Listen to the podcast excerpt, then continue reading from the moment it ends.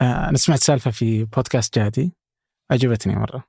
هم كانوا يتكلمون عن استضافة السعودية لكأس العالم. فهم كانوا يتكلمون عن ملفات الاستضافة لكأس العالم كيف أنها في دول كثيرة كان آه، يعتبر فشل بالنسبة لهم. فمثلا جنوب أفريقيا اليوم لا تزال تنقطع الكهرباء عندهم بسبب استثمارهم في كأس العالم. اليونان لأنهم استضافوا برضو الأولمبياد وانه الآن هي أصبحت كذا أماكن مهجورة للملاعب وغيره.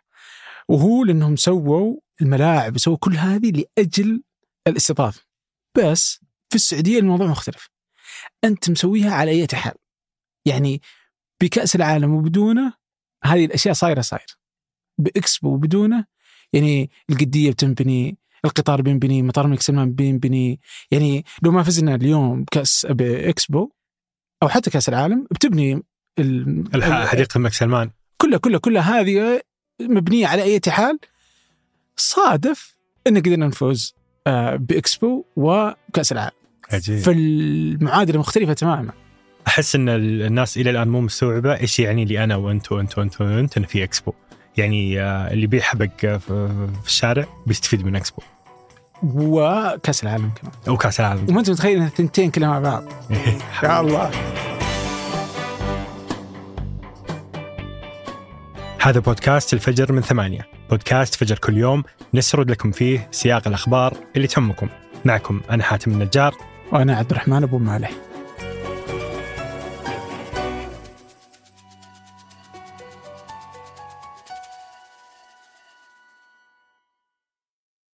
قهوة الصباح وأجود محاصيل البن المختص تلاقيها في خطوة جمل. اعرف أقرب فرع لك من الرابط في وصف الحلقة.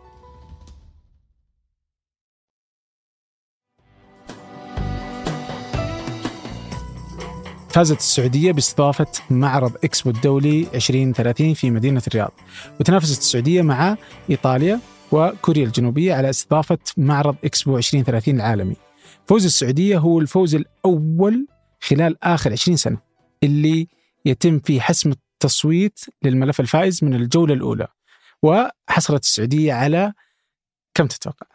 شفت الأرقام؟ يعني والله. فارق مخيف. أبدا والله ما تخيلته. يعني 119 صوت. يعني لأني قريت أمس آه إنه مثلا في آه اليابان انسحبت وصوتت الكوريا قبل أمس. فقلت هل الانسحابات هذه تخوف فعلا؟ حسيت إن إن التصويت بالأرقام يعني الأرقام قريبة. فرق شاسع 119 صوت للسعودية. كوريا 29 صوت بس. إيطاليا 17 صوت. يا الله. فبهذه المناسبة قال ولي العهد آه، الأمير محمد بن سلمان ستتزامن استضافتنا لاكسبو 2030 مع عام تتويج مستهدفات وخطة رؤية السعودية 2030 حيث يعد المعرض فرصة رائعة نشارك العالم خلالها الدروس المستفادة من رحلة التحول غير المسبوقة. معرض آه، إكسبو هو حدث يقام كل خمس سنوات ويجذب ملايين الزوار واستثمارات بمليارات الريالات. خلال الأشهر الماضية سعت آه، وفود الدول الثلاث للفوز بأصوات الدول الأعضاء في المكتب الدولي للمعارض البالغ عددها 182 وقال وزير الخارجية السعودي أن السعودية راح تقدم نسخة استثنائية لإكسبو 2030 وأضاف آه نشكر كل الدول اللي دعمتنا في ملفنا وهذه تعتبر ثقة من المجتمع الدولي في السعودية. وبعد إعلان النتائج سأل أحد المراسلين وزير الخارجية السعودي وقال في إكسبو فرنسا كان الإرث هو برج إيفل وفي آه دبي كان الإرث اللي بقى هو مدينة إكسبو دبي. ما هو إرث الرياض؟ كان جواب الوزير مختصر. سوف نتجاوز المباني. أما في ما يخص آه، عرض الرياض لإستضافة إكسبو 2030 آه، فكان يحمل حزمة برامج. منها تخصيص قرابة مليار و200 آه، ريال سعودي لمساعدة 100 دولة في مجالات تشييد الأجنحة والصيانة ودعم التقنيات والسفر والفعاليات وصولا لإقامة معرض عالمي شامل. تبلغ ميزانية معرض إكسبو الرياض قرابة 30 مليار آه، ريال سعودي بحسب تصريح وزير الاستثمار المهندس خالد الفالح. وأكد الرئيس التنفيذي المكلف للهيئة الملكية آه، لمدينة الرياض المهندس إبراهيم محمد السلطان جاهزية الرياض لبناء معرض الرياض إكسبو 2030 وقال متى تتوقع يكون جاهز؟ 2028 فقال أن أجزم بجاهزية المعرض خلال عام 2028 وراح يكون هناك آه، سبعين ألف غرفة فندقية جديدة في الرياض. طبعا هذا تحدي. آه، خصيصا لهذا المعرض. وراح يقام المعرض في الفترة من شهر أكتوبر 2030 وحتى أبريل 2031 آه، بيكون في آه، قريب من مطار الملك سلمان الدولي. اللي جالس يتطور الآن واللي أنا متحمس مرة. آه، وحسب الملف الرسمي لترشح الرياض متوقع يصل عدد الزوار لأكثر من 40 مليون زائر. طبعا معرض إكسبو الدولي هو ثالث أكبر حدث عالمي من حيث الأثر الاقتصادي والثقافي. يسبقه فقط دورة الألعاب الأولمبية وكأس العالم لكرة القدم. أما عن الأثر الاقتصادي لإكسبو دبي آه كمثال فكان في تقرير أن إجمالي القيمة اللي يضيفها إكسبو 2020 لدبي لإقتصاد الإمارات تقريبا 42 مليار آه دولار. وهذا بيكون من فترة 2013 اللي هو تاريخ فوز بتنظيم إكسبو حتى عام 2042 لذلك في السعودية ننتظر آه تأثير اقتصادي كبير جدا لهذا الحدث بداية من تاريخ إعلان الفوز راح يمتد التأثير لسنوات قادمة بإذن الله. وأنا متأكد إن الكثير متحمسين. أيضا مبروك عبد الرحمن مبروك لنا جميعا.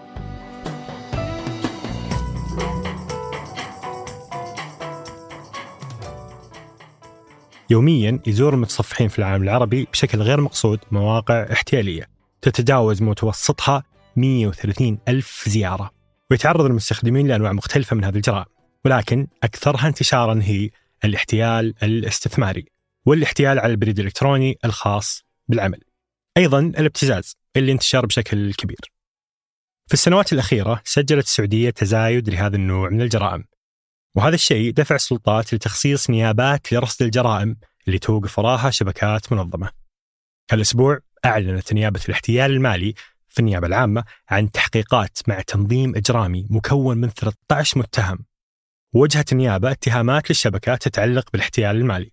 وغسل الأموال بالإنترنت ومخالفة نظام التعاملات الإلكترونية. وكشفت إجراءات التحقيق أن المتهمين استخدموا روابط إلكترونية احتيالية وأرسلوها للضحايا ودخلوا بشكل غير مشروع على الحسابات الحكومية الخاصة فيهم واستولوا على مبالغ مالية من حساباتهم وحولوها لحسابات ثانية.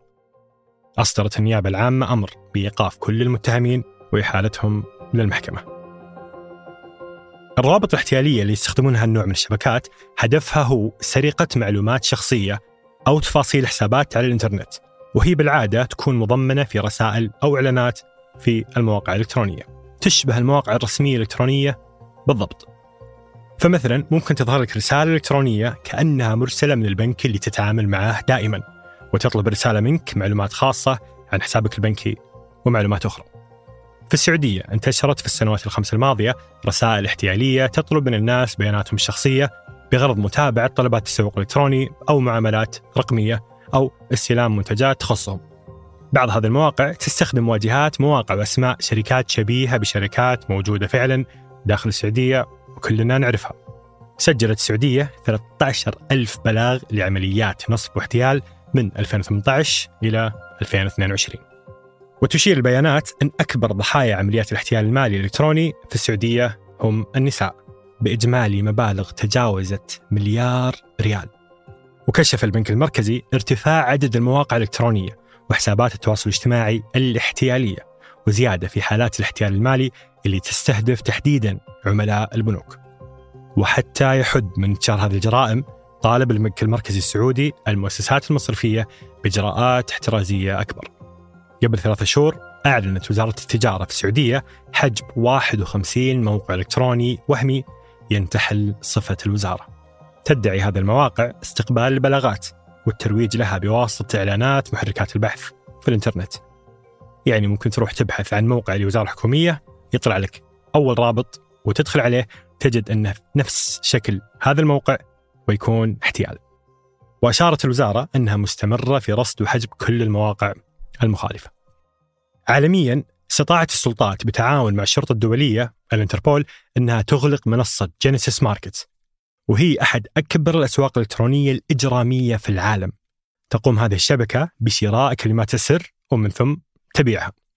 وتتيح المعلومات الشخصية اللي في الغالب تنباع بأقل من دولار تتيح للمحتالين الدخول إلى الحسابات المصرفية وحسابات التسوق. قوات الأمن والشرطة نظمت في عدة دول حملات مداهمة منسقة لمقرات هذه الشبكات ضمن جهود لمواجهة واحدة من أخطر الجرائم الإلكترونية في يومنا الحالي واللي تكبد العالم خسائر تمثل ما نسبته 5% من حجم التجارة العالمي.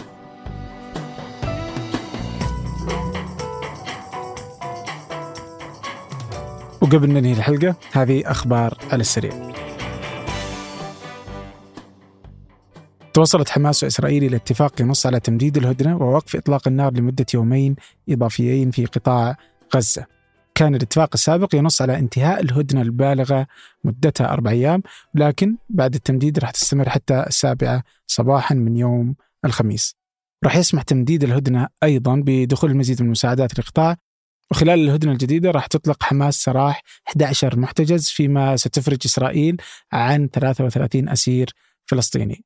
ورغم أهمية تمديد الهدنة لسكان غزة يعتقد الخبراء أنه غير كافي لتلبية الاحتياجات الإنسانية للسكان بعد العدوان الإسرائيلي اللي استمر لأكثر من 45 يوم.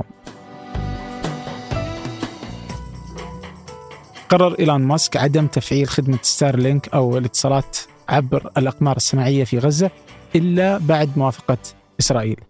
وشركة ستارلينك هو مشروع إنترنت عبر الأقمار الصناعية تديره شركة سبيس إكس اللي يملكها إيلون ماسك ويعمل على تقديم خدمات الإنترنت في المناطق الريفية والمعزولة من العالم. وكانت إسرائيل دمرت أبراج الاتصالات وقطعت جميع خدمات الإنترنت عن قطاع غزة الشهر الماضي لكنها رجعت وأعادت تشغيلها مرة أخرى تحت ضغوط أمريكية ودولية. وكان إيلون ماسك موجود آه، في إسرائيل يوم الاثنين بعد ما اتهموه أنه يعادي السامية.